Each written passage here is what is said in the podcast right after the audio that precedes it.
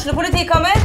Ine Jansen er purk. Er du purk? The motherfucking bitch. Alt jeg vil, er å finne ut hva som skjedde med mannen min. Jon Carew. Er jeg sikta for noe? Iben Akeli. Det er du. Ole So, Lars Berrum og Big Daddy Karsten. Hvem sin side er du på, egentlig? Anette Hoff, Tone Danielsen, Kommer du fra Afrika? Jørnis Josef, Nesten. Kløfta, Trond Espen Seim, Det er synd å si det, men det var feil mann som døde. Purk. Premiere tirsdag på TV2 Play.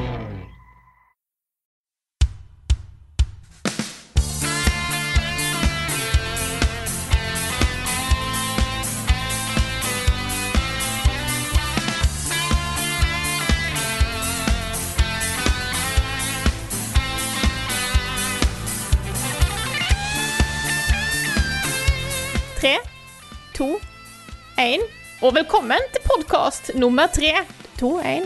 Eh, See what you did there. Yes! Jeg kom på han helt sjøl. Måtte ikke få tips om den introen fra Rune. Men jeg er i hvert fall Frida. Ja, bra, du er så flink, Frida. Ja, tusen takk. Jeg er, jeg er Frida. Nå har de to andre her allerede røpt seg, så det er nå greit. Det er Karl Martin Hoksnes og Rune Fjell Olsen. Hallo, folkens. Hello. Hello, gutta folkens. Hvordan går det? Nei, det går, går bra. Jeg hadde en litt sånn rar opplevelse i, i dag, fordi jeg eh, var på en fest.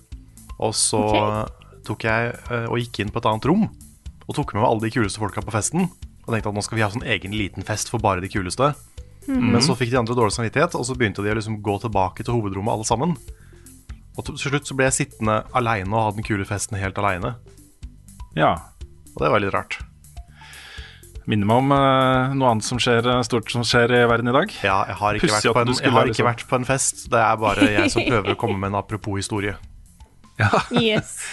Ja, nei, Vi har jo den derre Superleague. Det har jo prega nyhetsbildet så sjukt de, den siste uka. Det er det. Hvor uh, massevis av de største fotballklubbene i verden nå skulle lage sin egen liga. Ja, da skal, Hvor, vi, skal vi være de kule.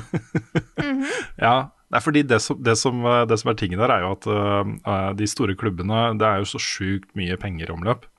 Og flere av de sliter også økonomisk. Fordi de har liksom veldig høye spillerlønninger og osv. videre Og og den store store gulroten for dem er jo Champions League. Det er der de tjener de store pengene. Og hvis de ikke kommer til Champions League, hvis ikke de klarer å kvalifisere seg, og ikke klarer å komme til liksom, semifinaler og finaler og sånne ting, så går det ganske hardt utover dem økonomisk. da. Så dette er da et forsøk på å lage en liga som bare genererer inntekter, ikke sant. Men uh, ja, det ser ut som, uh, det, ser ut som uh, det ikke blir noe av nå, da. Det høres også ut som den er blitt eh, navngitt av en åtteåring. Ja, Superleague! Ja, det er sant. Ja. Det er jo ikke så langt unna Champions League, da, men eh, ok. Nei, det er sant, det.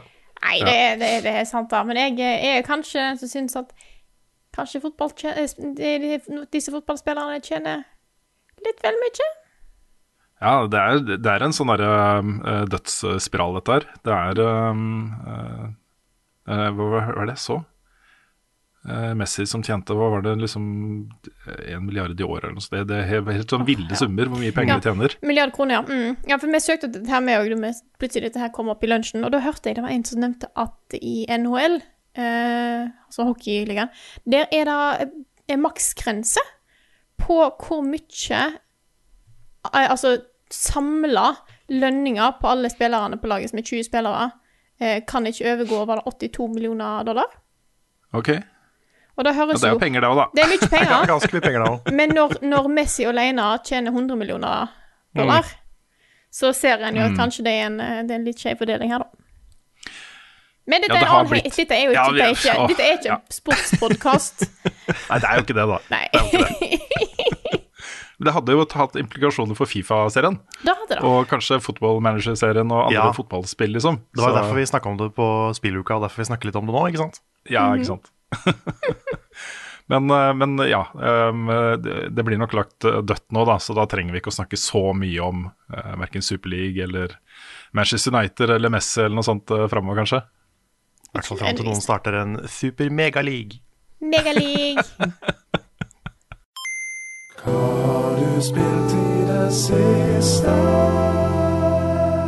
Rune, du har jo spilt det nyeste, fresheste spillet blant oss, så da lar jeg deg få starte. Ja, det har ikke kommet ut engang. Nei. Det kommer ikke før neste fredag. Det er negativt fresht. Ja, Ja, det er så sant? fresht at ikke det har blitt uh, putta i stekeovnen ennå.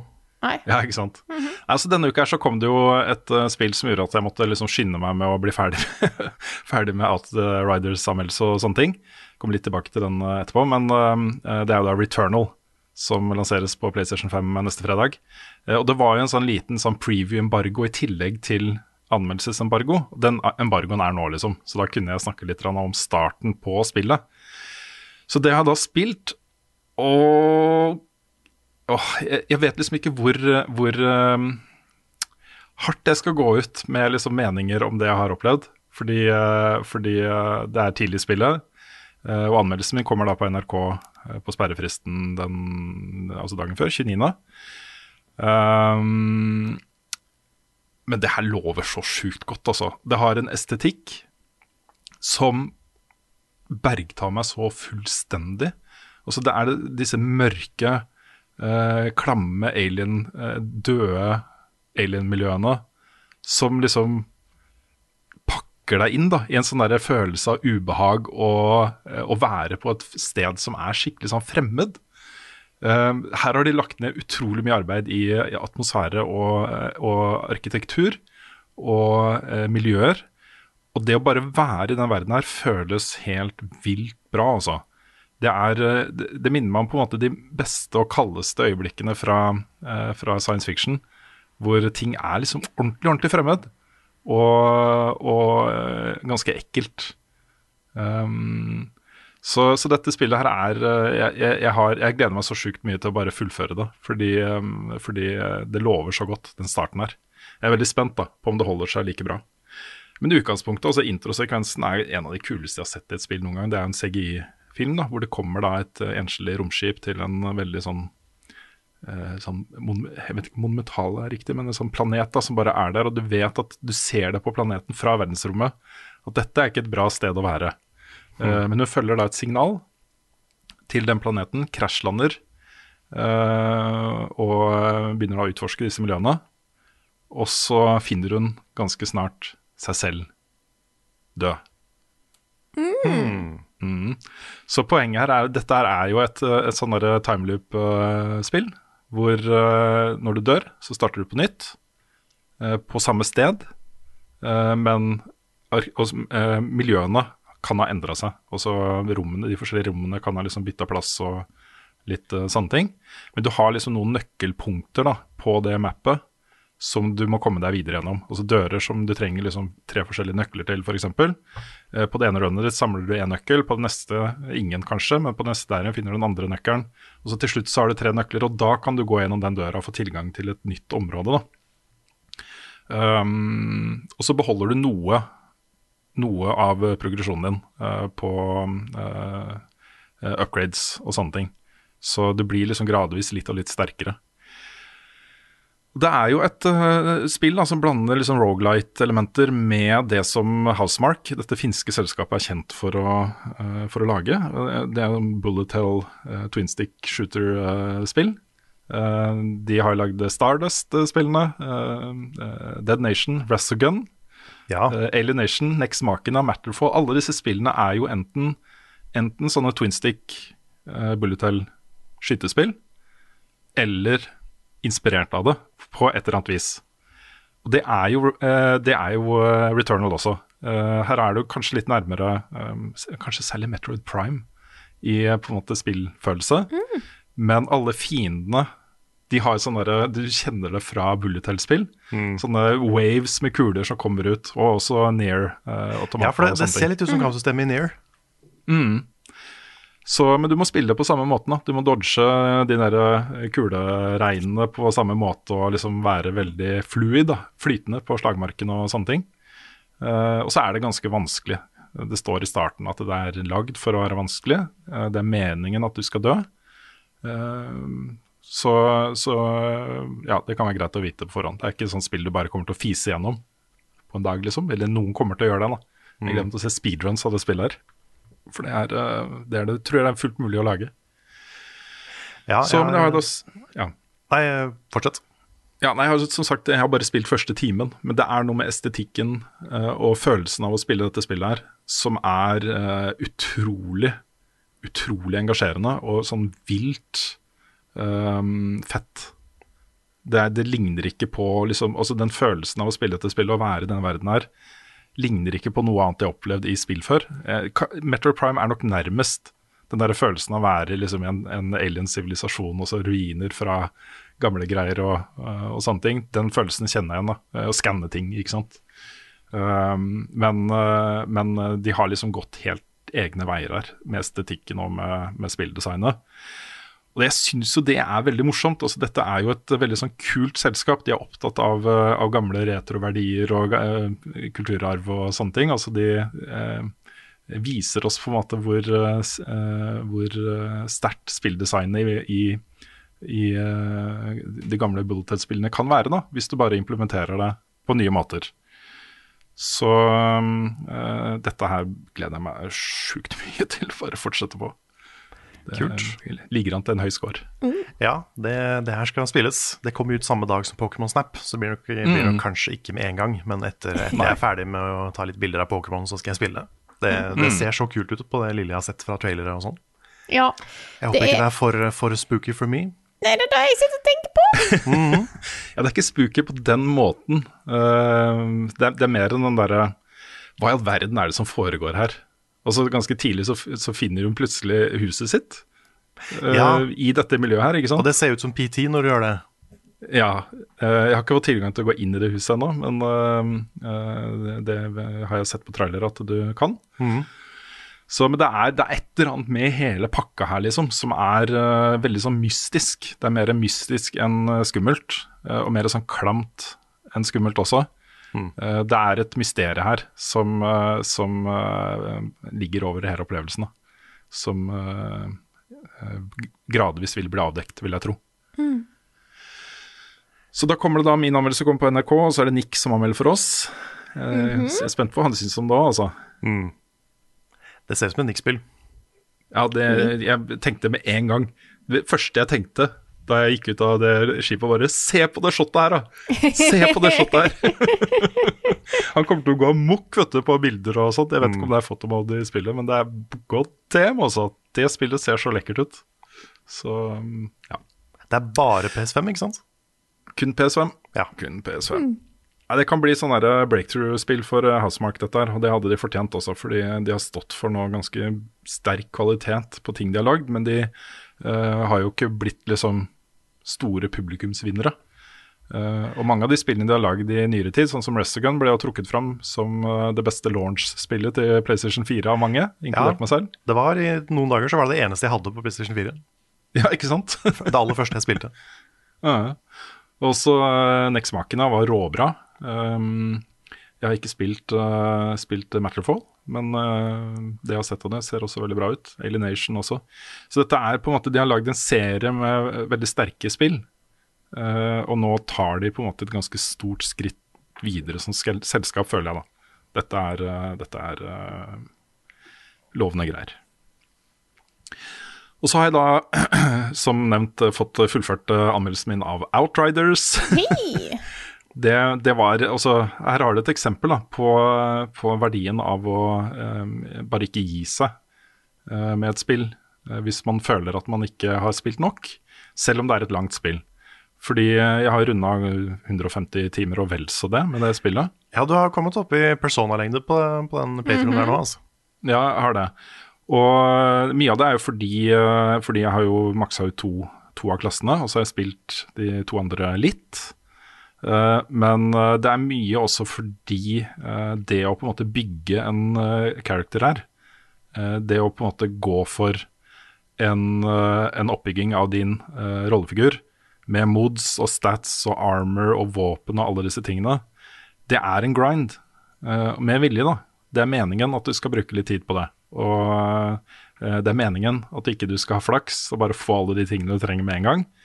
Eh, og så er det også en veldig utfordrende uh, endgame-aktivitet her i Expeditions, hvor, som også har egne tears. Du starter liksom på, på bånn der, og så må du jobbe deg oppover tears, helt til tier 15. Der er jo alle fiender har jo liksom gear level 50, og det er ordentlig tøft, da. Det å klatre, klatre oppover der, da må du hele tiden kjempe mot fiender som er ett level over deg, eh, helt til du kommer til toppen her.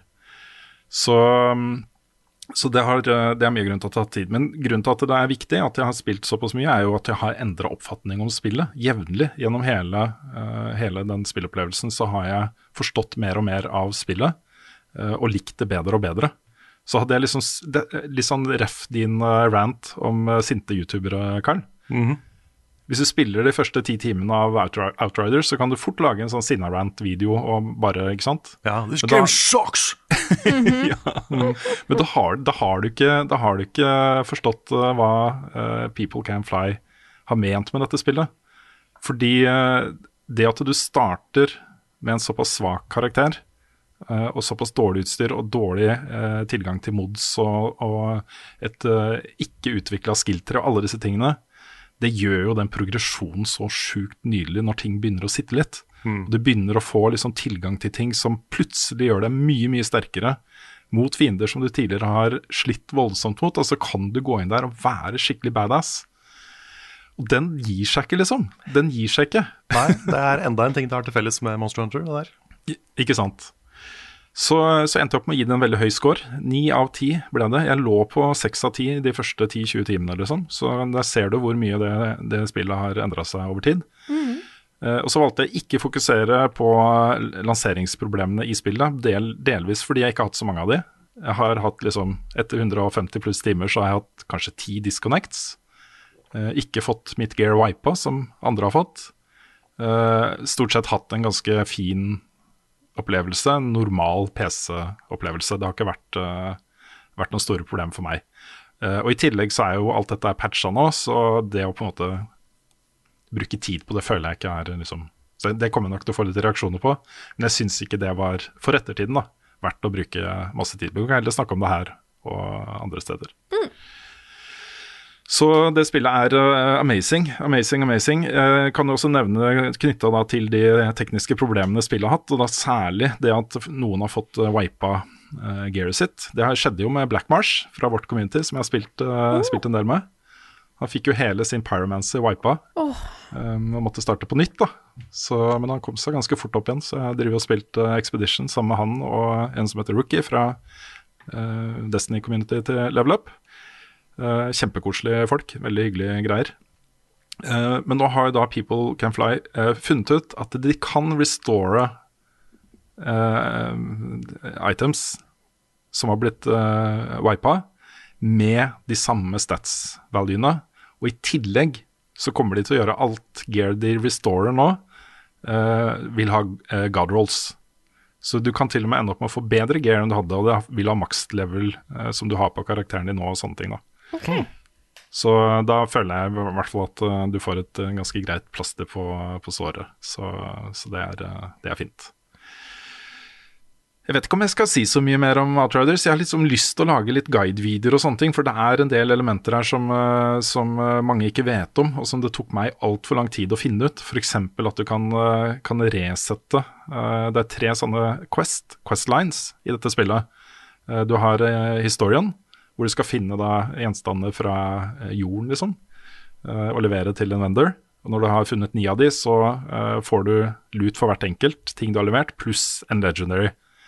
Uh, det samme gjelder jo Hunts, hvor du skal drepe ti monstre. Um, uh, og på den siste så får du en legendary, og det samme gjelder våpen, med sånne bounties på ting du, folk du skal drepe. da. Uh, og det du kan gjøre, er jo når du kommer til liksom, uh, World Level 15 og sånne ting, så kan du bare kjøre alle ni, altså de første ni på uh, World Level 1, bare fise gjennom, og den siste på det høyeste du har, og så får alle dropsene vil være da på den høyeste. Så det er en sånn ting du kan grinde ut, så det tar liksom et par timer, da, og da har du fått tre legendaries garantert. I tillegg, bare den siste tingen, det fant jeg ut i dag, det er i går fant jeg ut det.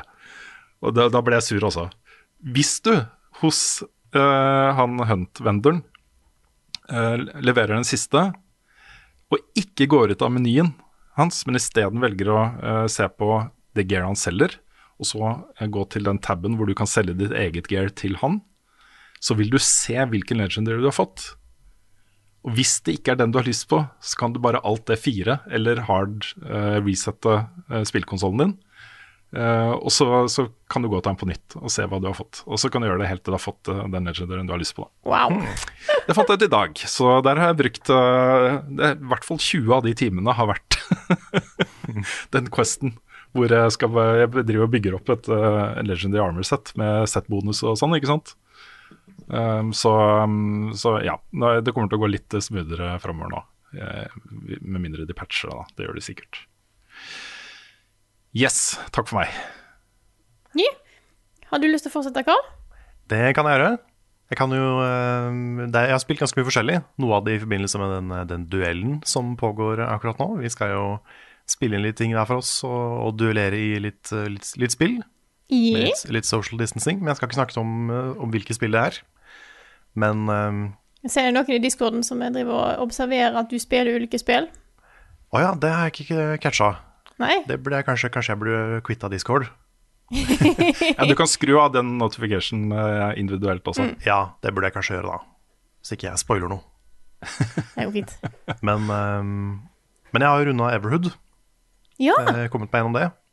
Og jeg nå trodde jeg du skulle snakke om det hentai-spillet jeg så du spilte her om dagen på Discord. Det har jeg ikke, ikke spilt. Uh, det er, det, nå, nå blander du med det du spilte. Parterapien hjalp sånn et par uker, ser jeg. Ja, jeg gjorde det. Nei, men, eh, men jeg har runda Everhood, og det Det har veldig mange kule ideer i seg, syns jeg. Det har jo det, først og fremst det kampsystemet er veldig kult. eh, som er litt sånn Guitar Hero, uh, rytmespillaktig. Um, veldig kule sånne vis visuelle fights også. Kul musikk. Ja. Uh, så hele den pakka der likte jeg veldig godt. Men jeg tror ikke jeg likte spillet så godt. Jeg, Interessant. jeg har jo ikke fullført det ennå. Jeg satte litt på pause, for jeg har nådd en fight som var jæklig vanskelig, og så har det dukket opp andre ting som jeg har heller prioritert nå. Men jeg har ikke helt falt for historien sjøl, selv om jeg syns han har veldig mange kule ting. Ja, for den har, den har kule elementer, liksom. Men det problemet jeg har litt med den, er at den er veldig Den føles veldig som et svar på Undertale, på en måte. Og den er veldig sånn tydelig inspirert av Undertale, som ikke den prøver å skjule. Men sånn uten å spoile noe, da, så virker det som den liksom tar historien i Undertale og budskapet i Undertale og sier sånn Ja, men Og så funker ikke helt det svaret for meg. Sånn det, den historien og det den formidler, og det den liksom Den tematikken funker ikke på meg ordentlig. Jeg syns det blir litt rotete, og det blir litt dårlig forklart og litt sånn vagt, så Jeg skjønner liksom ikke helt hva de har gått for. Så det ødela litt for meg. Jeg tror spillet hadde vært mye bedre hvis det ikke var så tydelig um, inspirert av Undertale, kanskje. Hvis det bare distanserte seg mer. Dette var noe jeg snakka litt om i uh, anmeldelsen min av Dark. Fordi det hender av og til, når jeg spiller liksom disse følsomme, alvorlige indiespillene, at uh, det ikke alltid er Og så noen ganger så føles det som det kan være litt sånn kalkulert, da. Den uh, tematikken, at den kanskje ikke er sånn veldig, veldig ektefølt, men at det handler mer om, mer om å tilby en uh, innramming som uh, som uh, skal stikke litt dypere da, enn bare gameplay, liksom. Men at det på en måte later litt som om det er veldig Kommer fra liksom sjela, da. Eh, Det er litt stygt sagt, men jeg, jeg, jeg vet ikke, for det, det er jo et veldig sånn indie-indie-spill. Mm. Det, det virker som det kommer fra noen få mennesker med veldig mange ideer og veldig eh, En visjon, liksom. Men eh, det bare traff meg ikke helt, altså. nei. Så jeg syns kampsystemet og musikken er veldig kul. Og eh, dialogen er til tider bra. Men der også synes jeg liksom Jeg, jeg ble ikke glad nok i rollefigurene. De har ikke helt den der, eh, De har ikke helt det hjertet som Undertale har, føler jeg. Det er sånn det hender at de glimter til litt, men det er, det er liksom ikke helt, altså. Nei, jeg har planer om å få spilt det ferdig, for jeg har lyst til å på en måte se hele historien og alt det der. Men eh, Men det har, det har mange kule ting ved seg. Absolutt. Det har det. det, har det. Så det er, eh, det er liksom verdt å snuse litt på hvis man Hvis man syns kampsystemet høres kult ut og sånn. Så, eh, men historien bomma litt eh, for meg, altså. Men jeg har jo eh, gjort én ting til. Fordi det hender at jeg googler litt rundt for å se hva som fins av sånne spill-engines Ja. der ute. Og da fant jeg en helt ny eh, spill eh, game design maker-type ting. Og dermed har jeg begynt, og da laga de første scenene, eh, så å si komplett i, i sånn alfa-stadie, til mitt uh, dating sim visual novel-spill. Nei. Memento Amore. Så Det er en eh, herlig tittel, Carl. Har du googla det? Er, har du sjekka om noen har tatt den? For den er, er jo så bra. jeg tror ikke noen har tatt den. Memento Så for, forhåpentligvis er det ingen som tar den nå før spillet er ferdig. Men fordi, fordi tingen er at først så tenkte jeg jeg skal lage en sånn teit parodi hvor jeg bare kaster alle ideene mine til sånn teite visual novel-ting på veggen og ser hva som blir der, liksom. Men jo mer jeg har liksom sittet og pusla med det Jeg har ikke sittet lenge ennå, men det er veldig lett. Det, er jo, det heter Tyranno Builder, heter det programmet. Og det er laga for de som ikke klarer å programmere for en femmer, og det er jo meg. Okay. Programmering er min eh, kryptonite. Så alt er liksom drag and drop og tekstbokser, og liksom det er veldig lett å forstå. da. Så jeg var liksom mm, oppe og gikk med litt tekst og litt uh, ting og tang på bare noen minutter, liksom. Du, vi sitter jo og jobber med en, en, en sånn eh, Hva skal man si, en return av klassik... Nei, duellen vår. Som en sesong med Dette åh, Det her er jo duell, da. Beste visual novel. Ja, hvem klarer å lage beste visual novel? Ja? Åh, Det er litt, det er litt knot med sånn hvordan du lager choices og sånn. Det brukte jeg litt tid på å lære meg. ja. Det første valget i spillet er om du skal ta på deg rød eller svart underbukse. Så, eh, så det å få, Ja. det, det, det liksom det treet til å funke, da. At liksom, ok, Da får du den tekstboksen, men så går du tilbake til den, som blir felles for begge. Og sånne ting, så Der må du liksom bare vite litt hva du gjør, da. ja. Men det er veldig overkommelig å lære. Jeg fant en YouTube-tutorial, og, og det var veldig greit. Men uh, Og så får du sende spørsmål. Åssen farge hadde han på bokseren? Eller Hæ? Ja, da får du det etterpå, ikke sant? Ja. Mm. Husker du hvilken farge? Ja. Nei, um, men det er veldig gøy å sitte og pusle med noe som går så fort å lage. Fordi visual novels Ja. er jo ikke kompliserte. Det er Nei. jo tekst med bilder som kommer inn og ut, og lydeffekter og sånn. Og kanskje noe valg. Eh, Det er mange visual novels som nesten ikke har valg heller. Men jeg, skal, jeg tenkte å ha litt valg, da. Og den, den største liksom veggen nå, det er å tegne alle karakterene. Eh, og, og liksom gi dem ansiktsuttrykk og sånne ting. Så det kan være at jeg må bruke litt av sommerferien på det. For det kommer jeg ikke til å rekke å gjøre sånn eh, på, på kveldene, tror jeg. Men sånn til, til bare vanlig sånn hobbybruk og for gøy, liksom. Mm. Kan man ikke bruke uh, transparent PNGs av uh, spillfigurer og sånne ting? Jo, så lenge ikke du holdt på å si um, Selger det, liksom? Ja, jeg vet ikke om det er lov hvis du legger ut gratis heller, for det er vel fortsatt copyright Ja, det er fortsatt copyright, ja. issues. Uh, Ja, men da det, kan du legge bart på alle, bare sånn for å endre det litt. Ja. det kan være, så kan du si at det er et eh, transformativt verk. Ikke sant? Mm. Ja. Ja, Nei, men jeg, jeg har ideer til characters. Jeg har ideer til liksom themes og uh, forskjellige ting og tang. Mm. Um, har endt opp med liksom Det er fortsatt en parodi på visual novel dating sims, men litt mer down to earth enn liksom det første. For først så tenkte jeg sånn her, jeg må ha en sånn liten flyvende ball som heter sånn ikon eller noe sånt, og som bare kommer med ting fra sida. Men jeg, jeg har droppa det. Nå skal det være litt mer sånn realistisk. Det skal være, skal være romance. Nice.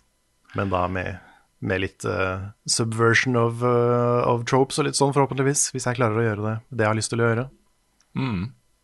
Nei, det her, eh, jeg, jeg håper det blir noe av dette her, altså. Jeg, det, jeg har så lyst til å spille det spillet, Karl. Det, jeg, har- jeg har lyst til å få det ferdig, fordi jeg har Ja. akkurat nok ideer nå til at det er sånn Ja, jeg må lage det. Så det, det er sånn, så fort man begynner, så bare OK, men jeg må lage det og det og det, og putte inn det og det, fordi det, det må jo ha det, og så må et visual novel-spill må jo ha den delen og den delen, ikke sant? Ja, og så kan vi ha sånn der world premiere live på Twitch, hvor en av oss spiller, spiller det, ikke sant? Ja, det har jeg også lyst til å gjøre, at vi kjører en livestream. Ja. Ja, det her er uh, veldig, veldig kult, Karl. Mm. Så det, det, det er jo tidkrevende fortsatt, så jeg tør ikke å love noe om eh, når det er ferdig, eller om det blir ferdig, men uh, det kommer nok til å være et lite sånn hobbyprosjekt jeg har på, på sida framover. mm, kult. Nice. Yeah, så det er meg. Ja, da kan jeg ta over. Jeg har jo nå fullført Rayman 3 på stream. Veldig bra, Frida. Det har du. Det er jo til, til klassikerinnslag som skal lages denne våren her. Eh, du var jo med, Carl. Og vi snakka jo mye om, om Rayman-serien, Rayman 2 og Rayman 3. Eh, jeg har jo spilt Rayman 3 mest av de to, så det er den jeg husker mest fra. Og det jeg har funnet ut etter å ha spilt det nå, er at spillet er kult. Jeg liker mekanikkene. Jeg liker veldig mange av eh, designvalgene. Jeg liker veldig mye av alt du gjør. Og så er det noen ting jeg bare hater. Ja. Ja.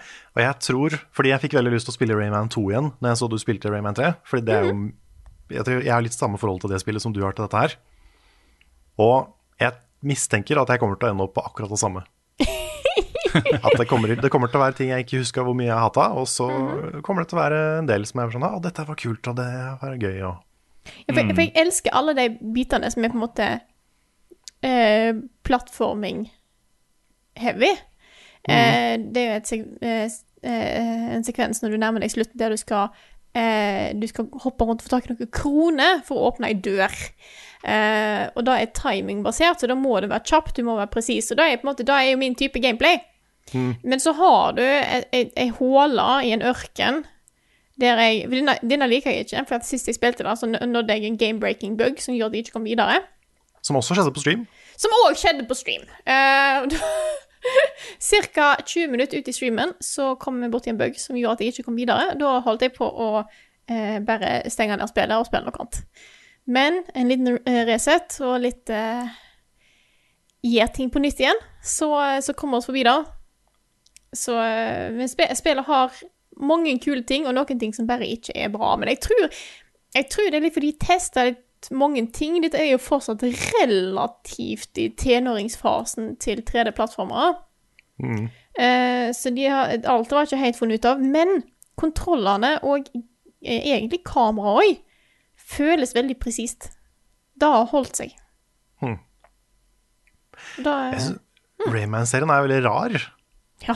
Fordi det første Rayman er jo sånn super fargerikt, sånn maleriaktig, vakkert 2D-plattformspill. Og så kommer Rayman 2 og er sånn der mørkt og dystopisk. ja. Og så kommer Rayman 3, som har visuelt den samme stilen som Rayman 2, men som er litt mer sånn sitcom. Og super edgy. Ja, ganske edgy. Ikke Men- at du får med deg noe av den edge-dialogen, for de har glemt De glemte å få inn han som drev med lydbalanse. Ja. Og så han som skulle lage subtitles, han eh, ansatte de i tre dager, og så glemte de resten av manuset. Ja, de glemte at det også er dialog mens du spiller. Ja. Så den har de, den har de glemt å ha subtitles på. Så, så det, det, det, er veldig, veldig rare ting. Det er Men det er- veldig mye sært som bare mangler, føler jeg. Ja, men det er litt derfor jeg har lyst til å spille Rayman 2 på stream en dag snart. Fordi Mhm. Jeg har lyst til å vise folk den der utrolig sånn postapokalyptiske, triste, dystopiske introen til det spillet. Den er helt forferdelig. For det er ikke det man forventer av et Rayman-spill i det hele tatt. Det er liksom sånne, Du ser sånne folk i bur som er sånn utsulta med tynne armer, og det er skikkelig fælt. Og -hmm. Og Rayman ja, snakker om at nå dør vi. Ja, ja det er, altså Alt håp er ute når spillet starter. Ja, ja. Gå går fra Ja, det er- fargerike Rayman 1, og så bare får du dette her i fleisen. Michelle han selv, vet du, Han sitter sånn Ja, ja, ja. Kanskje han hadde et bad breakup eller noe sånt en, en per- periode. Og så er det jo gøy, for det som kommer etterpå, er jo uh, Rayman Raving Rabbit, som er jo fullstendig galskap. Så det er liksom det, det, Den serien her har ingen sammenheng, føler jeg. Fra litt Rayman uh, Origins and Legends, det, er- det er ganske cohesive eh, ting. Ja, sant. For der, kom, der gikk det litt tilbake til liksom humoren i Rayman 3 med stilen i Rayman 1. Og det er en ganske bra kombo. Ja. Så der, der var det inne på noe. Yes. Nei, det, det er interessant. Jeg, jeg gleder meg litt til å få satt meg ned og skrevet da eh, klassikerinnslaget. Så får vi se når den sesongen kommer ut. Men relatert til det, så kom jeg plutselig på For av og til så får jeg sånn innfall at åh, jeg har lyst til å spille den tingen her. Liksom så forrige uke hadde jeg snakket om at av og til så har jeg lyst til å spille Gitar Hero. Og da kom jeg på noe som jeg syns er en fantastisk idé til klassikerinnslag, og da har jeg begynt på. Jeg har begynt å spille The Sims.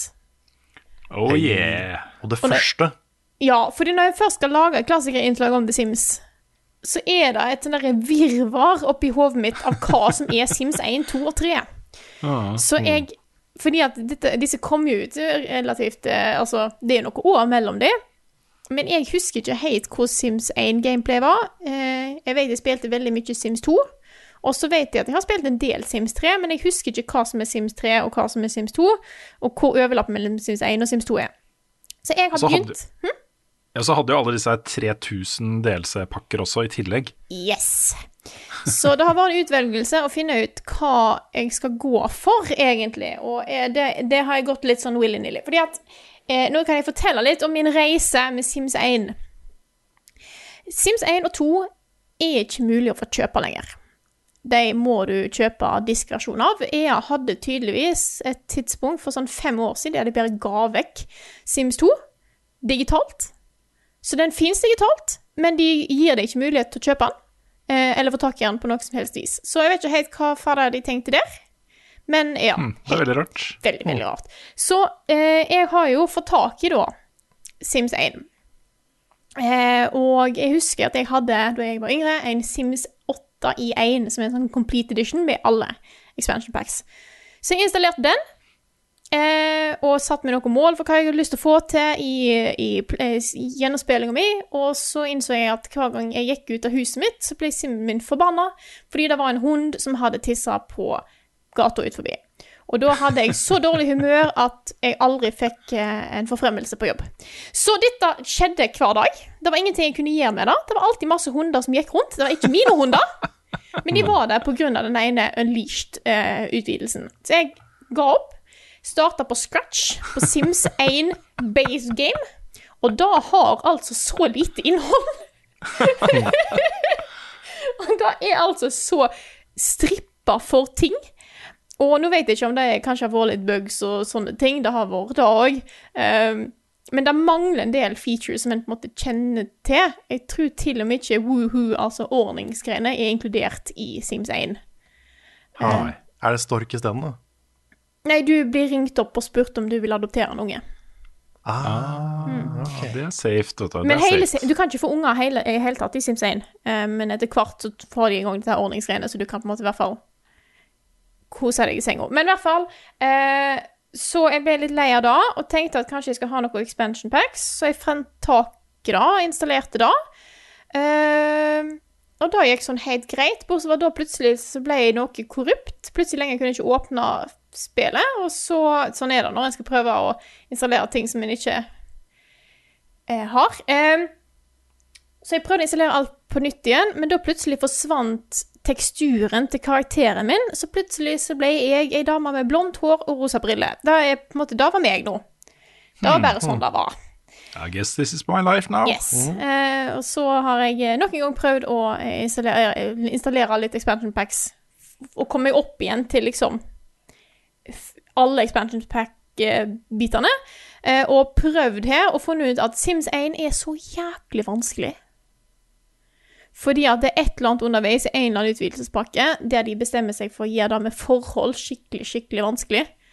Sånn at du har aldri tid til å bli venn med folk, for du er nødt til å bruke all tida du har på å holde simmen din i live og happy nok til å gå på jobb. For å prøve å få en forfremmelse, sånn at du kan tjene penger. Men selvfølgelig, for å få forfremmelse, så må du ha sånn sju venner. Selvfølgelig. Men det bor ikke sju folk i byen min! Ah. Så, så da er, da er har vært Hvorfor ble dette så stort? Nå begynner jeg virkelig å lure her, altså. Ja, men det er jo en, Eh. altså, det er kanskje et- et vindu inn i livet til mange mennesker, da. Ja, og det, Ja. er, det er jo interessant ting, og det er, det er veldig mye som er gøy der, og det er veldig mye bra. Jeg har, det, nå høres det ut som at jeg har hatt det helt forferdelig, men jeg har storkost meg med det. Uh, men nå føler jeg meg ferdig med Sims 1. Jeg har testa det meste. Jeg har eh, drukna folk i svømmebassenget. Jeg har satt fyr på huset mitt. Eh, jeg har redda folk fra døden ved å snakke Ved å ha steinsakspapir stein, saks, papir med, med, eh, med døden. Eh, og så har jeg på en måte prøvd Prøvd de tingene jeg kan huske. Jeg har bygd et hus. Jeg har prøvd å eh, komme meg langt fram i karriere. Har ikke cheata med penger. Da tenkte jeg skulle prøve, for å liksom utnytte spillet. Så nå har jeg jobbet meg videre til Sims 2. Eh, det har jeg jo prøvd meg på. Eh, the complete package. Så ser vi hvordan det, hvordan det går. Det, er, det føles bedre. Eh, litt mer som det jeg husker, for jeg er ganske sikker på at det var Sims 2 jeg spilte mest. Mm. Så, eh, så skal jeg jobbe meg opp mot Sims 3, og så ser vi hva, hva det blir, dette her. Jeg prøver å lage en liten storyline, kanskje. Det høres, eh, høres så bra ut, Frida. Dette her eh, kan bli sånn uh, amazing klassikervideo. Jeg, jeg håper da. Jeg er litt spent. Nå får vi se om det For det, det har dukket opp en del festlige situasjoner i Sims 1, så jeg håper kanskje jeg kan få til noe, noe greier i Sims 2 òg. Det hadde i hvert fall mm. vært gøy.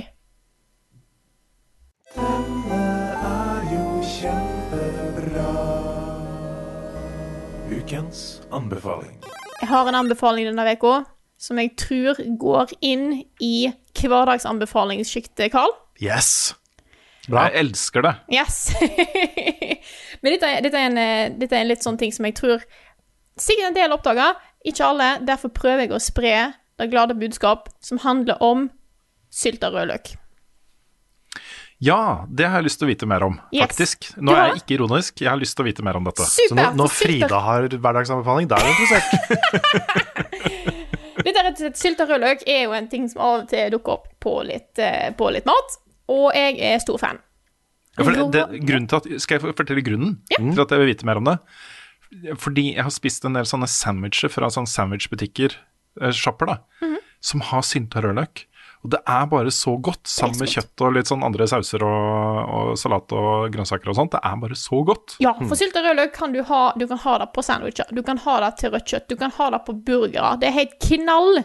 Og så er det superenkelt å lage. Fordi at jeg vet de selger i butikker og sånt, men du trenger ikke det. Du tar én del eh, eddik, 7 ikke eh, sterkere enn det, da må det begynne å vatne ut. Men én del eddik, 7 to deler vatten, nei, sukker og tre deler vann. Så én del eddik, 7% to deler sukker og tre deler vann, og rødløk. Så skjærer du opp rødløken i fine strimler. Koker opp vann, eddik og sukker eh, til du har løst opp sukkeret. Og så bare putter du rødløk på et glass og heller den her laken over og lar det stå.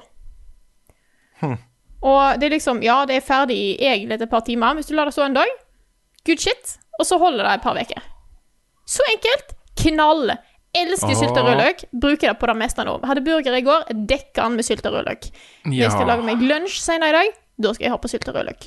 Det er helt sulten. amazing. Ha. Yes. Men når vi, når vi først snakker om burgere, hva har dere på burgeren? Hvis dere lager burger sjøl. Å, det varierer litt fra dag til dag. Men, eh, eller fra gang til gang. Men eh, hvis jeg går for sylta rødløkversjonen Av og til så har jeg òg glasert rødløk. Da koker det med litt balsamico, eh, eddik og litt sukker og sånt. det er også godt. det er dritgodt. Knall. Eh, men i så fall så har jeg da chipotle-majones. For det er godt. Oi, du er Eh. allerede ganske fancy. På første ingrediens så falt Carla Carl av lasset. Det er jo superenkelt. jeg, har hørt om chipotle, men jeg har bare ikke testa det. Ja, ja, Eh, ja.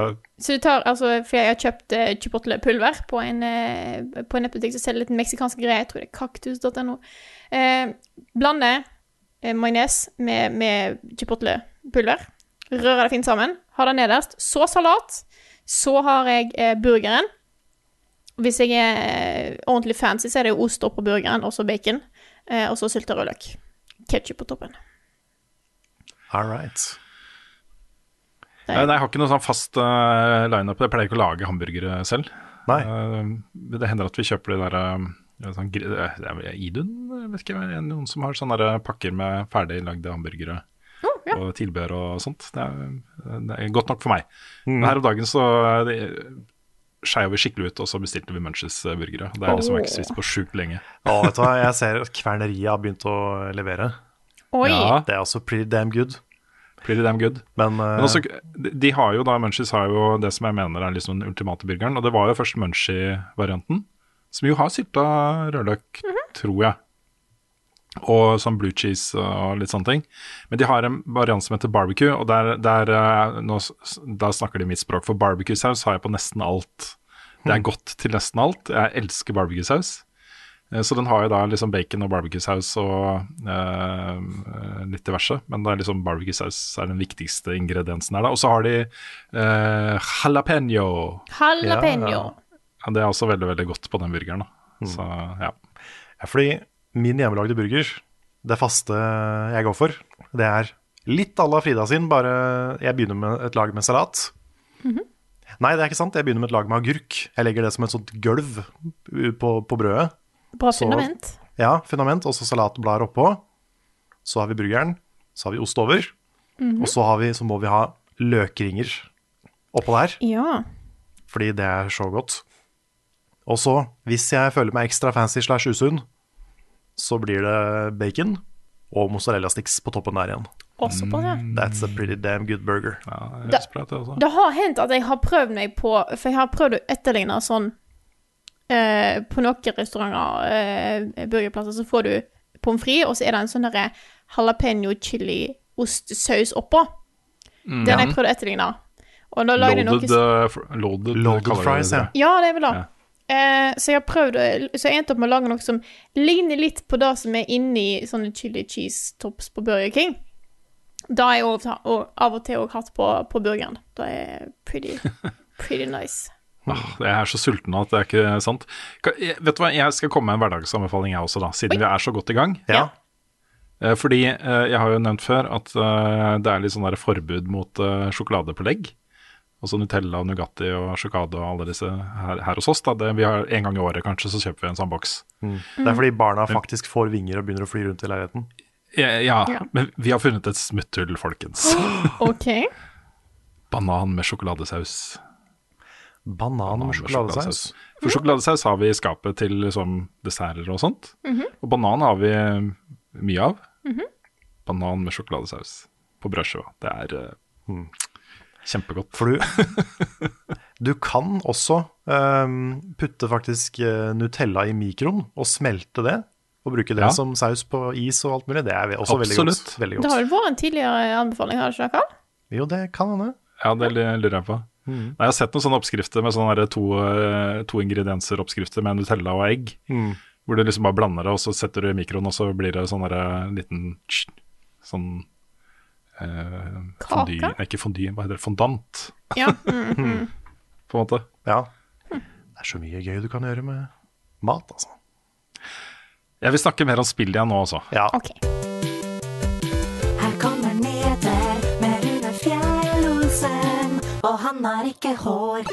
Det kan virke som det er en, nesten en slags sånn mass exodus, en folkevandring fra et av verdens mest uh, elska eh, og verdens største spillselskaper om dagen, nemlig Blizzard. Nå har en av de aller største profilene i selskapet, Jeff Kaplan, forlatt Blizzard etter 19 år. Eh, og han uh, starta jo eh, i eh, Blizzard i 2002 som designer på Vov. Han ble senere eh, director for den, eh, det spillet. Eh, han var også da ansvarlig for Titan, som jo skulle på en måte være arvtakeren til eh, World of Warcraft. Uh, det ble jo kansellert. Uh, men så har han da siden starten vært ansiktet til Overwatch, så han er jo sjefen for det teamet der. Og en av de store gigantene. Også en veldig godt likt fyr, som kommer liksom godt gjennom til fansen. Virker som han er veldig sånn på lag da, med fansen av de spillene han jobber på. Mm. Sånn ansikt i spillindustrien, på en måte. Ja, han er det. En av de store, virkelig store. Uh, og han er ikke den eneste som har forlatt uh, Blizzard. Det er jo mange av eh, liksom, lead directors og lead designers og uh, vice presidents og sånne ting som, som har forlatt Blizzard nå i løpet av de siste par årene. og De har laga nye selskaper og, osv. så videre. Vi har snakka en del om dette her, men dette her er på en måte en eh, Det at de mister Jeff Kaplan, er uh, ganske dramatisk, syns jeg. Det, det er det. Og han eh, sier jo ikke noe om liksom, noe negativt om opplevelsen med Blizzard og sånne ting. Han takker det egentlig bare for 19 fantastiske år. Og man kan jo si da at etter 19 år så er det jo naturlig å liksom tenke kanskje man skulle gjort noe annet. Um, om man uh, vil eller ei. Jeg hadde jo vært i VG, var det 18 eller noe sånt? da jeg slutta. Så, så um, eh, det er ikke sikkert på en måte det ligger noe sånn veldig dramatisk bak dette her. Men det er jo på en måte en tendens da, som, eh, som Blizzard eh, bør være litt bekymra for. Når de mister liksom mange av de profilene sine og de som på en måte har styrt skuta da, gjennom sine designvalg og sine ideer og uh, sine verdier og sånne ting, så, så må man jobbe hardt for å finne en ny kurs for, eh, for et såpass stort selskap. Så um, spent på å se hva han gjør. Ikke, jeg, fant ikke noe informasjon om det. Det er mulig at det har kommet Jeg har bare ikke fått med meg det, men, eh, men jeg tror ikke han får noe problem med å få seg en ny jobb, for å si det sånn. Så den blir det spennende å følge med på videre. Han sier jo da også i sin exit-melding at uh, Overwatch 2 ligger veldig godt an. Det er i rute, det kommer til å bli bra. Ingen grunn til bekymring der. Uh, og jeg velger jo å tro han på det. Vi har hatt litt sånn dramatikk i Norge også uh, den siste uka. eh, Hvor eh, da Norges e-sportforbund, som jo ikke er en helt sånn ukontroversiell greie, det heller. Det er jo deler av norsk e-sport som eh, er litt sånn i clinch med Norges e-sportforbund. Eh, Men de er jo da i eh, altså Et av målene deres er jo å bli mer akseptert som en legitim, anerkjent idrett i Norge. Eh, Og i den prosessen så er det jo da i samtale med Norges idrettsforbund.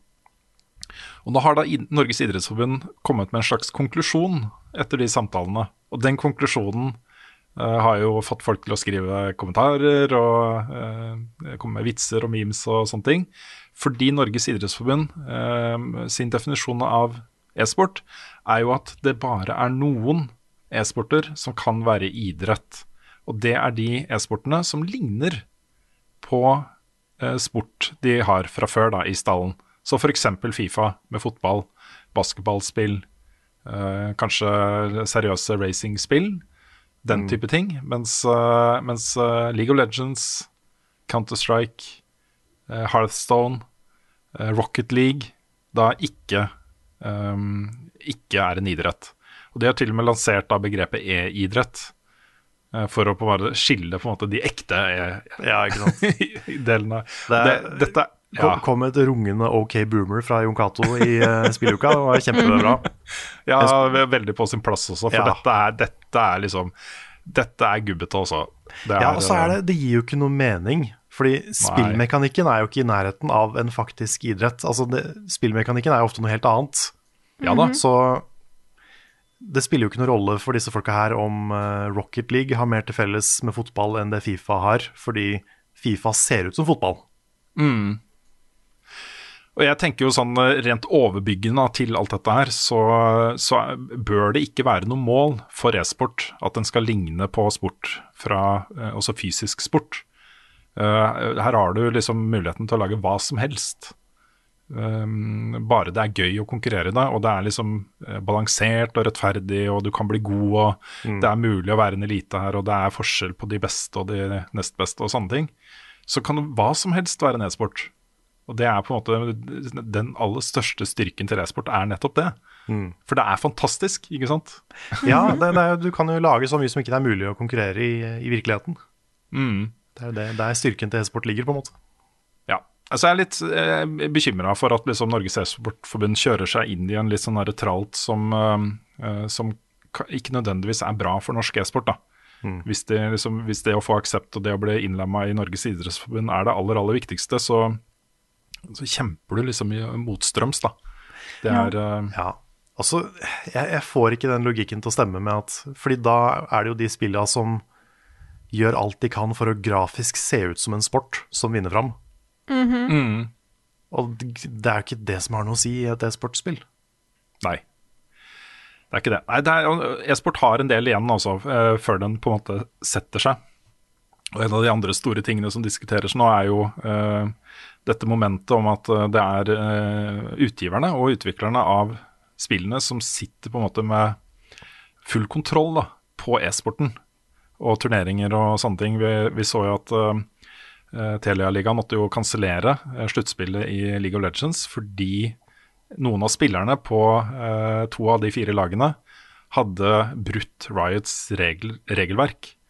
Uh, og det regelverket er jo, er jo på plass for å være proteksjonist, hvor eh, Riot vil ha full kontroll med hvor det konkurreres eh, i League of Legends, eh, hvem som får ha turneringer osv. Der hadde da noen av disse spillerne deltatt i turneringer uten å forhåndsgodkjenne det med Riot. Um, det lages jo turneringer i de forskjellige e-sportene hele tiden, um, på høyt og lavt nivå. Og så er det jo noen av de som på en måte er offisielle, og så er det noen som bare er for gøy, da. Og det er greit, liksom. Men hvis du er en profesjonell e-sportutøver i League of Legends, så, så har du en del begrensninger da, som, um, som Riot pålegger. Og det er eh, Det er eh, Ja, det er jo som om på en måte Ja, det, jeg vet ikke hva sammenligningen skulle vært, da. Fordi eh, vi, vi har liksom ikke den samme tingen. Eh, Fifa er jo litt sånn. De styrer jo mye, men der kan man jo gå ut da, og lage sin egen superleague hvis man vil. Mm. Hvis du tør. Men, uh, hvis du tør. Men, uh, men uh, dette kan jo være en liten sånn bremsekloss da, på, på utviklingen til e-sport. Så der er det verdt å følge med litt videre. Og så har vi snakka for noen uker siden om et rykte om at Discord var ute og flagra med fjøra. Eh, så på muligheter for oppkjøp og, og sånne ting. Og den som var nærmest, ifølge da ryktene, som nå ikke lenger er rykter, det er uh, bekrefta, var jo Microsoft, som eh, eh, bladde opp et tilbud på 10 milliarder dollar for et oppkjøp av Discord. Det er mer enn de kjøpte Skype for for mange år siden. Ja, fant vi ikke ut at det var, det var sånn to-tre Star Wars. Å, fy fader. Det er, eh, det er mye penger også. Eh, Men nå har da Discord takka nei til det tilbudet foreløpig. De har sagt at det er mulig, de vender tilbake til det tilbudet etter hvert. Men sånn inntil videre så eh, ønsker de å fortsatt være uavhengige.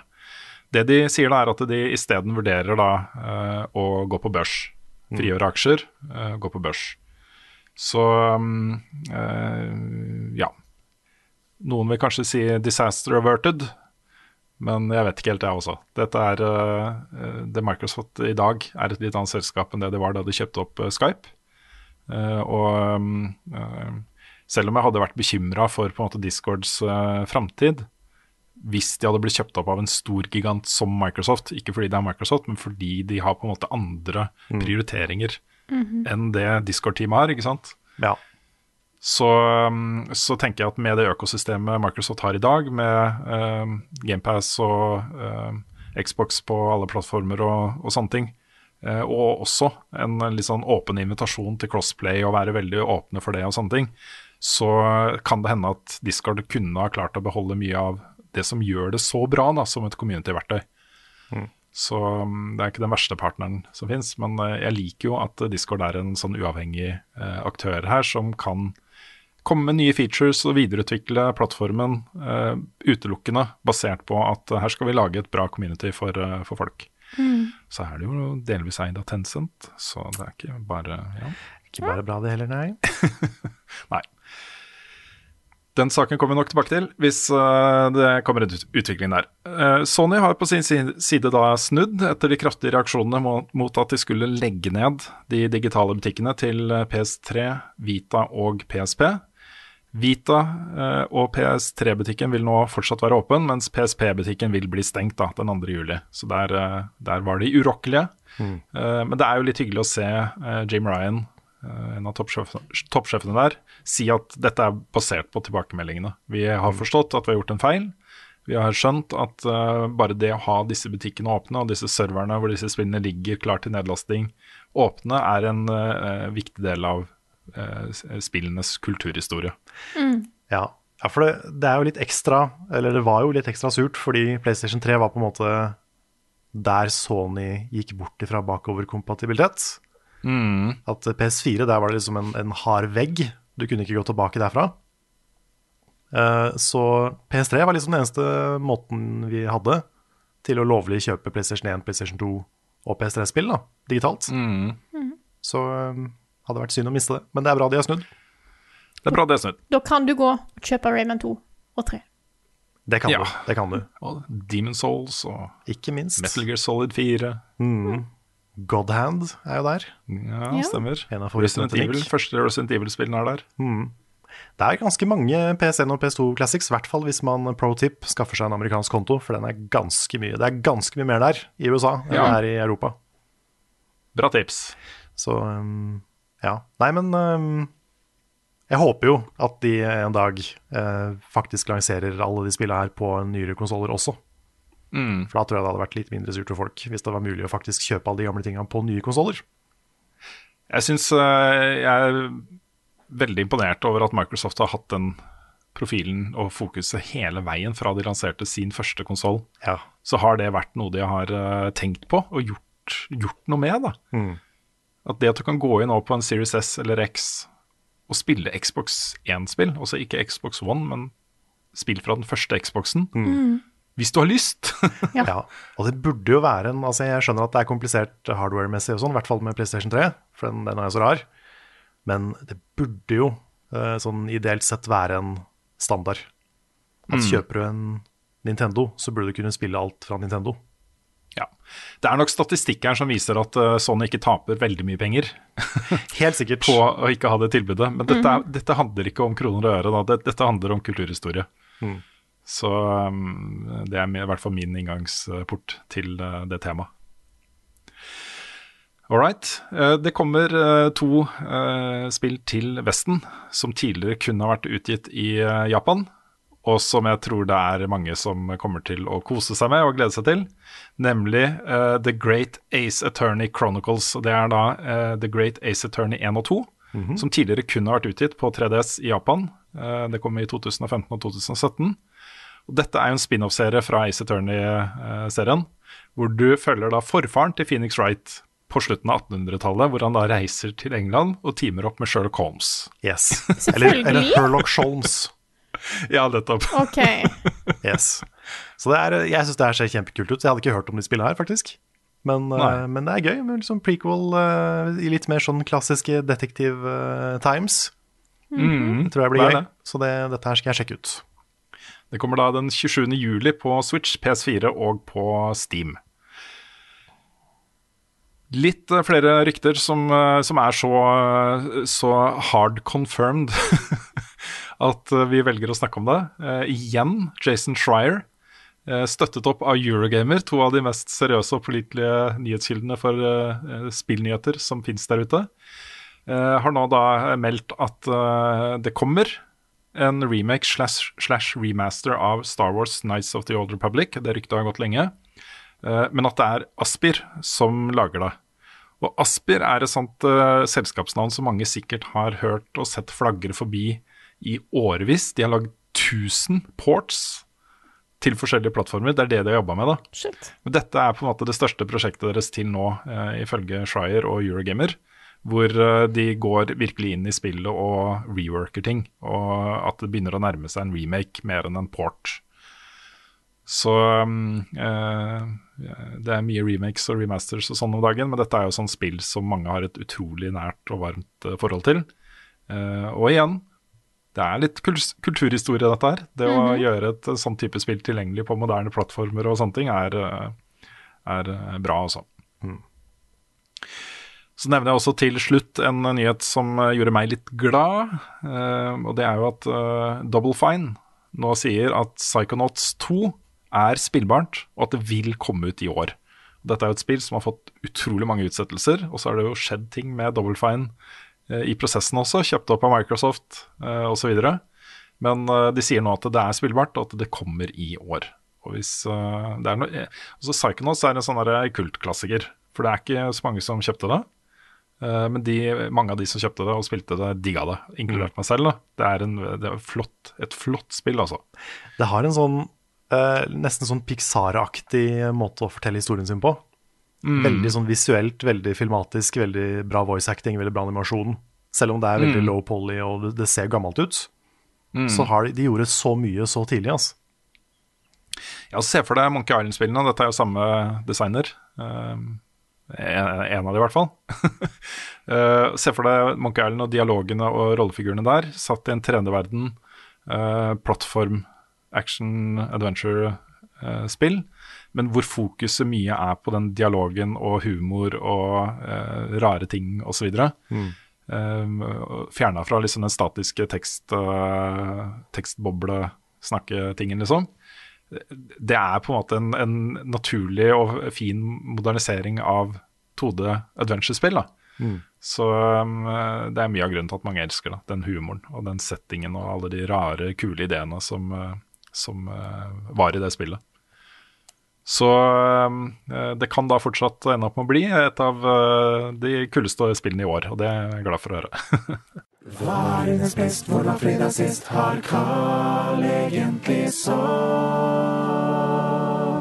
Ukens spørsmål. Og vi starter med et litt lettbeint spørsmål her fra Makkapakka, som skriver kronis med sjokolade eller jordbær. Ja takk, begge deler, sier jeg da. Det er litt sånn humøravhengig. da. Jeg liker sjokolade best, men av og til så har jeg lyst på en med jordbær. Jeg er Team jordbær. Ja, for jeg har vært Team jordbær i mange, mange år, men jeg har fått mer og mer sansen for det med sjokolade med, med tida. Jeg innser at det er veldig lenge siden jeg har hatt en med jordbær. Kan være at den trenger en uh, liten comeback. comeback.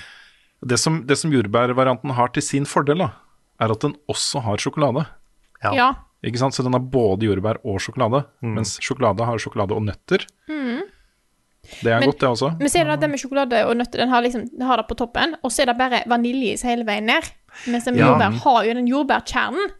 Ja, Det er Det sant. den. Men jeg skulle jeg alltid siden jeg var liten skulle ønske at det var mer jordbær. Ja. ja. Fordi det er liksom bare den lille, lille stripa med jordbær helt ned til Mm. bånn, hvor det er litt mer. Men, men det er liksom Mens du spiser den, så har du bare den lille flekken med jordbær. Ja. Så come on, designers. Ja, Begge deler er godt, da. Jeg liker begge to. Det er liksom en eh, klassiker. Nei, men eh, Har dere noen flere lettbeinte spørsmål? Jeg kan ta et uh, dilemma til, Oi. Ok, eh, fra Tobias Eie. Eh, og dilemmaet er låse seg til én spillsjanger resten av livet, eller kun se filmer av Uwe Boll resten av livet. Oi.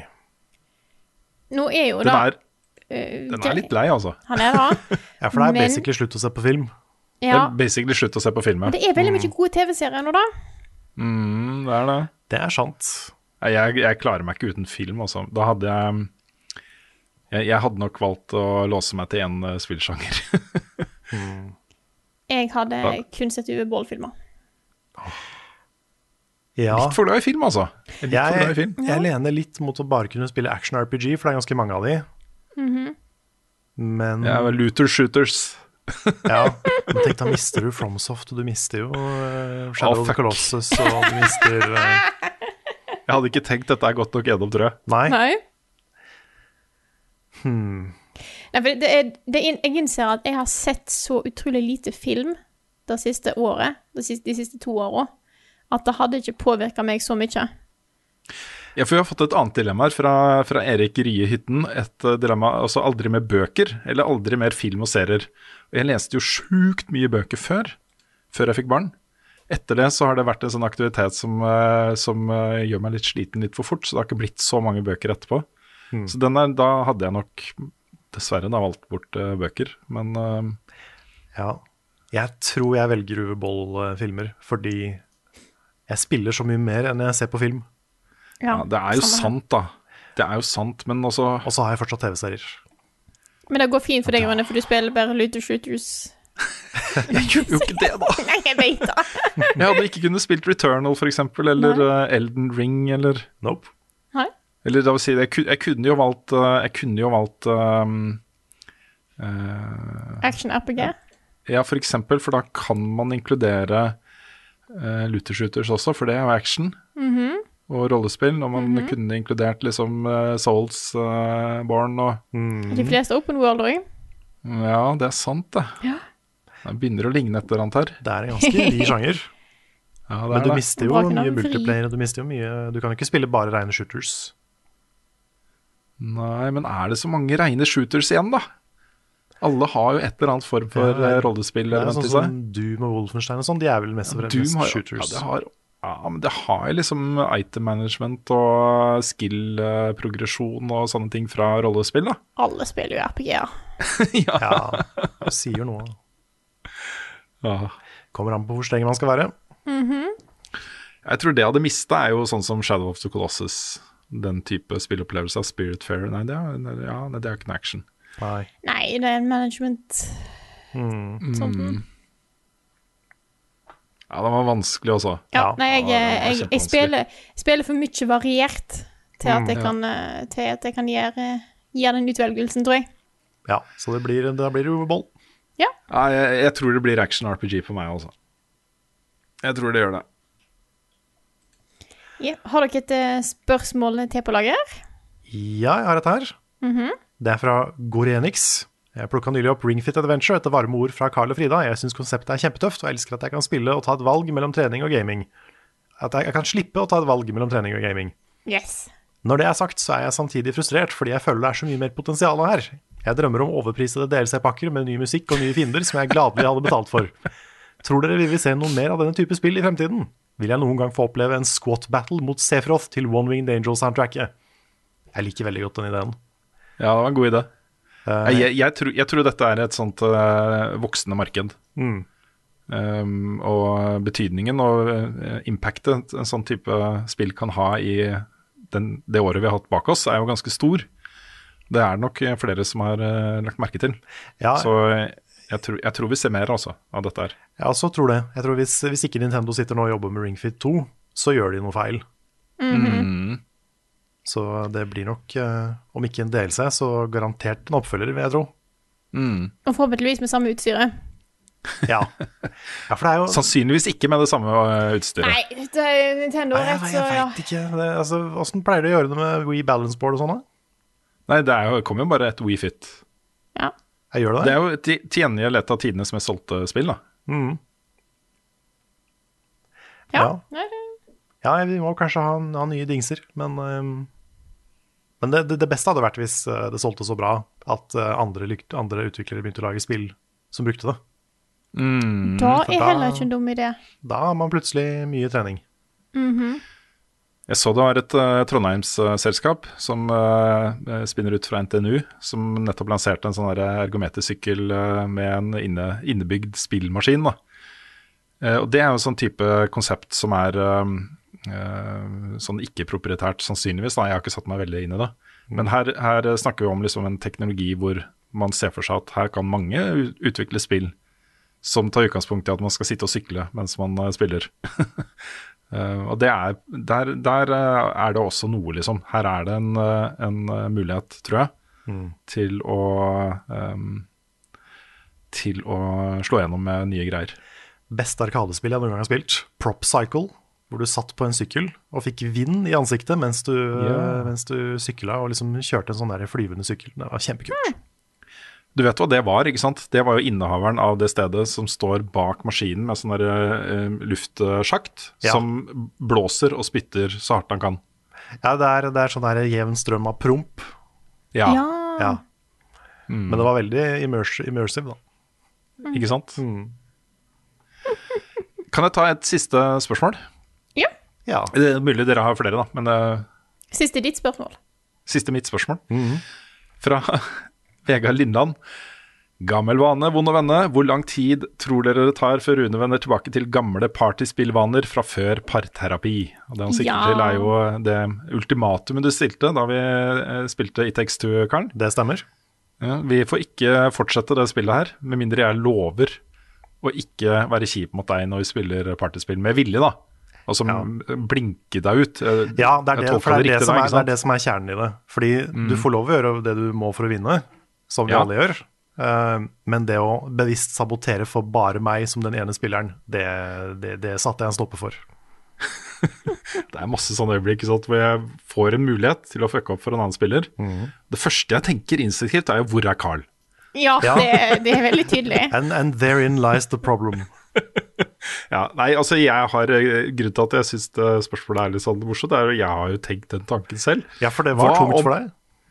Ja, hva om jeg er i en sånn situasjon? Ja. Her har jeg muligheten til å gjøre livet surt for deg i et eh, spillsammenheng, da. I spillsammenheng. Bare innenfor der. Jeg vil jo alt Vil deg alt vel i, i virkelig verden, Karl. ja. Ingen planer om å sabotere for deg i virkelig verden. Men i et spill, det har jo ikke så store konsekvenser, liksom. Det er bare gøy. For meg og For, ja. noen andre. Og noen ganger så har vi sånn duellstraff, og da er det Ja. konsekvenser. Nei, så jeg har tenkt tanker. Jeg, jeg eh, har jo tenkt til å opp, holde det løftet. Jeg har jo det, men jeg jeg vet ikke, altså. Jeg vet ikke hvordan det- jeg kommer til å reagere hvis jeg havner i en sånn situasjon. Du må tenke sånn, da, at eh, hvis jeg leder, så har du all moralsk rett til å targete meg, Ja. ikke sant? Så, Mhm. Så, så lenge, Det er ikke sånn at du ikke får lov å targete meg i det hele tatt, men du må ha en grunn til det. Du må ikke bare ta det fordi det er meg. Mm. Jeg syns jo det var en grunn, ja. Men, uh, Nei, det er ikke en grunn. Det er ikke en grunn. All right. Nei, det er, jo, det er jo disse her eh, tapene i eh, duellen vår som sitter i bakhodet mitt, tror jeg. Når, når den der fanden kommer på skulderen min og bare sier 'takk, Carl, takk, Carl'. Så jeg husker liksom, det er sånne muskelminner fra å sitte i løgndetektor og stå på scenen og gjøre standup og Ja, ja for det, det jeg tenker på når jeg havner i de situasjonene der, det er jo de gangene som du fikk han der eh, Sondre til å spille for deg, og sånne, alle de sleipe tinga du har prøvd deg på i duellsammenheng. Ja, OK. Så, eh, så det er sånn Du kunne jo vært en honorable underdog, men du er ikke helt der heller. Nei, jeg er ikke det. Jeg er ikke det. Jeg er ikke det. All right. Har du et siste spørsmål, Karl? Eller eh, tar vi rund av eh, Eh, jeg vet ikke om vi har noe bra svar på det, men vi kan jo ta det. Ja. I tilfelle noen har noe bra svar. Fra Vilde Altekjær. eh, Al Alteskjær. Eh, verste spilløyeblikk, eller spill dere har spilt, men nesten skulle ønske at andre hadde prøvd, sånn at folk visste hvor dårlig spill kan være. Det er et veldig godt spørsmål. Ja. Eh, Det er et spill jeg har hatt lyst til å lage eh, et drittspillinnslag om, men jeg har ikke helt fått gjort kommet til det, for det er, det er litt kjipt å spille. Uh, og det er et spill til Megadrive som er basert på Tailspin-serien. Å ja, men med, er med Baloo, liksom? Ja, med, ja, ja, ja. Ja. Og da er, er så ræva. Og det er Du skal på en måte Det, det, det er ingenting med det som er gøy. Eh, og musikken er rar, og banene er rare, og fargevalgene er veldig sære. Og på et tidspunkt så på en måte Spill på den tida Megadrive eh, Altså eh, tida fortalte deg ikke nødvendigvis hva du skal gjøre. Vi kan jo diskutere om, om, om eh, alle spill i dag klarer å ha gode tutorials med tanke på hva Monster Hunter klarte å få til, men det var jo i hvert fall ikke en case back in the day. Og da kommer du til et område der du, skal, der du går rundt og bare sånn Jeg kommer jo ingen vei. Dette her er jo selvfølgelig da en, en plattformer, fordi at alle spill på den tida var jo plattformere, hvis det var basert på en serie. Eh, og så kan du òg skyte på andre ting ved hjelp av en sånn derre Jeg husker ikke hva det heter, men du har en sånn paddle, og så er det en ball som er festet til den med en strikk. Så da kan du på en måte slå den fram og tilbake igjen. Da er angrepet ditt. Og så kommer du til en plass der du ikke kommer noe videre, og da viser det seg at å ja, nei, det er fordi at hvis du står på den boksen der borte, og så trykker du en pil ned, tror jeg, og en knapp, så kan du løfte den opp. Men det er ingenting som indikerer at du faktisk skal kunne løfte den opp. Så det tok meg dritlang tid og mens jeg, sånn, mens jeg var liten, kanskje da flere måneder, før jeg på en måte skjønte at du kan plukke opp ting. Ja. Det hadde vært praktisk å få vite det på et tidspunkt. Jeg har hatt noen sånne i spill. Eh, sånn som det var, det var ofte spill ikke lærte deg at du kunne trykke nedover og C-knappen på Megadrive for å droppe gjennom gulvet. Ja. Så jeg var stuck i ganske mange spill fordi jeg ikke visste det da jeg var liten. ja. Mm. Men så var det plutselig en dag som bare Å ja, er det en ting? This changes Ny verden everything. åpna seg. Ja. Det var, eh, det var helt vilt. Men kanskje altså, hvis, ja. Nei, sorry. Nei, jeg tenkte bare å nevne at eh, etter du finner at du kan, du kan plukke opp bokser og flytte på deg, så blir ikke spillet noe bedre. Så, så hele spillet er bare Ja. no fun. Mm. Da så. Men jeg vil si Zelda CDI-spilla, eh, Link the Faces of Evil og Wand of Gamelon, de er verdt å spille. Fordi, både fordi de er sånn fascinerende dårlig animert, de cutscenene, og det er liksom Det er så dårlig at det er bra. Det er sånn The Room-underholdning. Pluss at gameplayet er sånn Det er ikke bra, men det er interessant på en litt sånn dårlig måte. Pluss at det, det er faktisk ikke så kjedelig å spille det sånn minutt til minutt. Oppdaga jeg da jeg, da jeg testa det på stream. At det er sånn Det går. Og det er litt morsomt at det er så dårlig. Mm.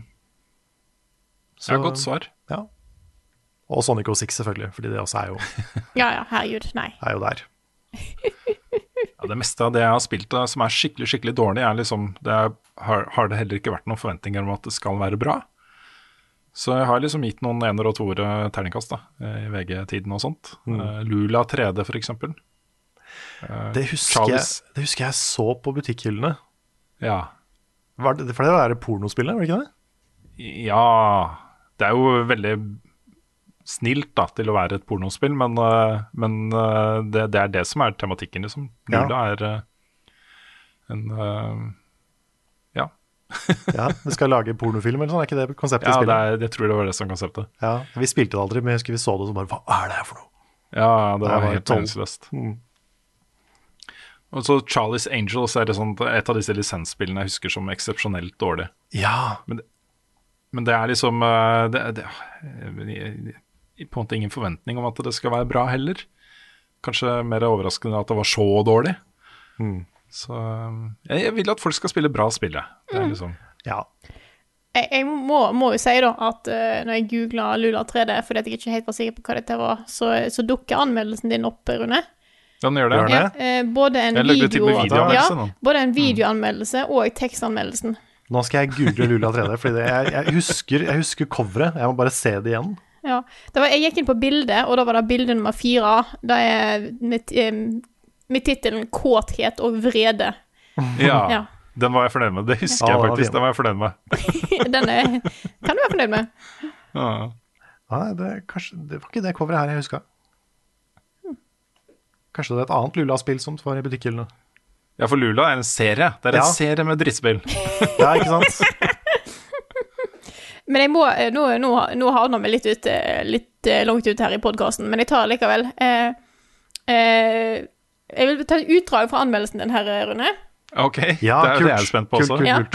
Ja. I tillegg viser det seg at da coveret utbasunerer som spillets største styrke, bouncing boob technology, er en blank løgn. Det er omtrent like mye naturlig bounce i puppene til Lula som det er i et par gråsteiner. Ja. Ha.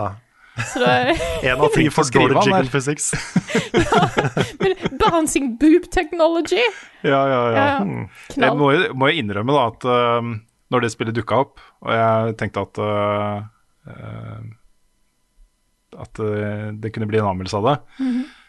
så var det litt kos å lage den anmeldelsen. Da kan jeg tenke meg. Ja, det tror jeg. var, jeg, jeg husker at jeg koste meg med teksten der, liksom. Det husker Mhm. jeg.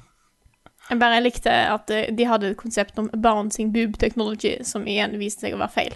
Yes, Ja. det var, det var en lite Ja, for jeg, jeg mener du husker sånn at hele puppen gikk opp og ned. Det var liksom Ja, ja Er ikke det sånn der Dead or Alive-ting? Jo. Ja, det, ja Dead or Alive er litt mer sånn jiggly. Ja, ok. Mm, her var det liksom en, sånn, en, en blokk som bare bevegde seg opp og ned, hvis du skjønner hva jeg mener. Ja, ja, ja. Ja. Da jeg føler jeg har sett det i en del spill. Det er sånn som puppene til eh, Rouge the Bat beveger seg i eh, Ja, Sonic. det er faktisk helt sant. Ja. Huh. Blir det klassikerinnslag om Lula? Det gjør nok ikke det, men jeg tror kanskje at uh, jeg tør ikke å se den videoanmeldelsen, for den tror jeg ikke er spesielt god. Men den ligger altså ute, da, i hvert fall, hvis noen vil eh, Ja, det er flott det, Frida. Bra, bra du informerer om det. Kjempefint. Nei, det er greit. Nei, skal vi Jeg var ung, jeg var ung og trengte pengene. Se den. Skal vi Akkurat som Lula. Akkurat som Lula. Og du var villig til å gjøre hva som helst for å få Ja, hva som helst. Skal vi runde av det før, Ja. eh, før dette her eh, skjer helt ut? Vi gjør det. Det være. Dette her er podkasten Level Backup, utgitt av moderne media. Låten i introen og outroen er skrevet av Ole Sønnik Larsen og arrangert og framført av Kyoshu Orkestra. Vignettene er lagd av fantastiske Martin Herfjord. Du finner mye mer innhold fra oss på youtube.com slash levelupnord. Eh, ja. Eh, der kan du også kjøre denne podkasten her med Det er litt seint å si det nå, da. Litt seint å si det nå, men det ligger altså 45 minutter, for det var det jeg hadde lov til å vise. 45 minutter med gameplay fra starten av Returnal. Ligger på YouTube-versjonen. Vi har òg Discord. Discord.gg slash levelupnorge. Eh, eh, Twitch-konto. Twitch.tv slash levelupnord. Ja. Ja. Eh, og vi har merch. Shop.spreadshot.no slash levelupnorge. Ta og Sjekk det ut der. Og så hvis du har lyst til å støtte oss, så er det bare å gå inn på patreon.com slash levelupnorge og støtte oss med det beløpet du har lyst til og mulighet til der. Tusen takk til alle som støtter oss. Dere er flotte folk som vi ikke kunne klart oss uten. Ja, det koster penger å lage kvalitetsinnhold som sånn tull med Lula og sånne ting. Så det er uh, supert at såpass mange uh, støtter oss der også. At vi Er får lov til å Lov til å holde på med disse tingene. Viktig er det en ny serie? Tull med Lula? Tull med Lula. Lula og co. Nei, men da sier jeg tusen takk for oss. Takk for at du hørte på denne episoden her, og så snakkes vi igjen neste uke.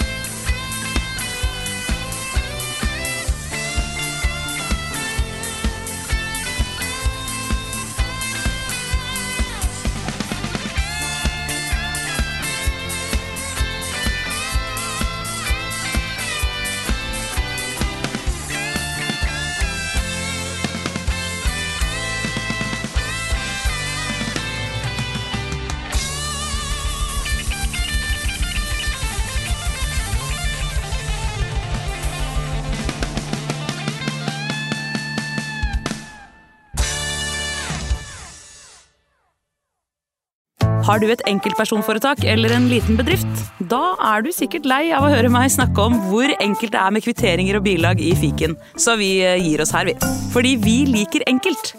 Fiken superenkelt regnskap.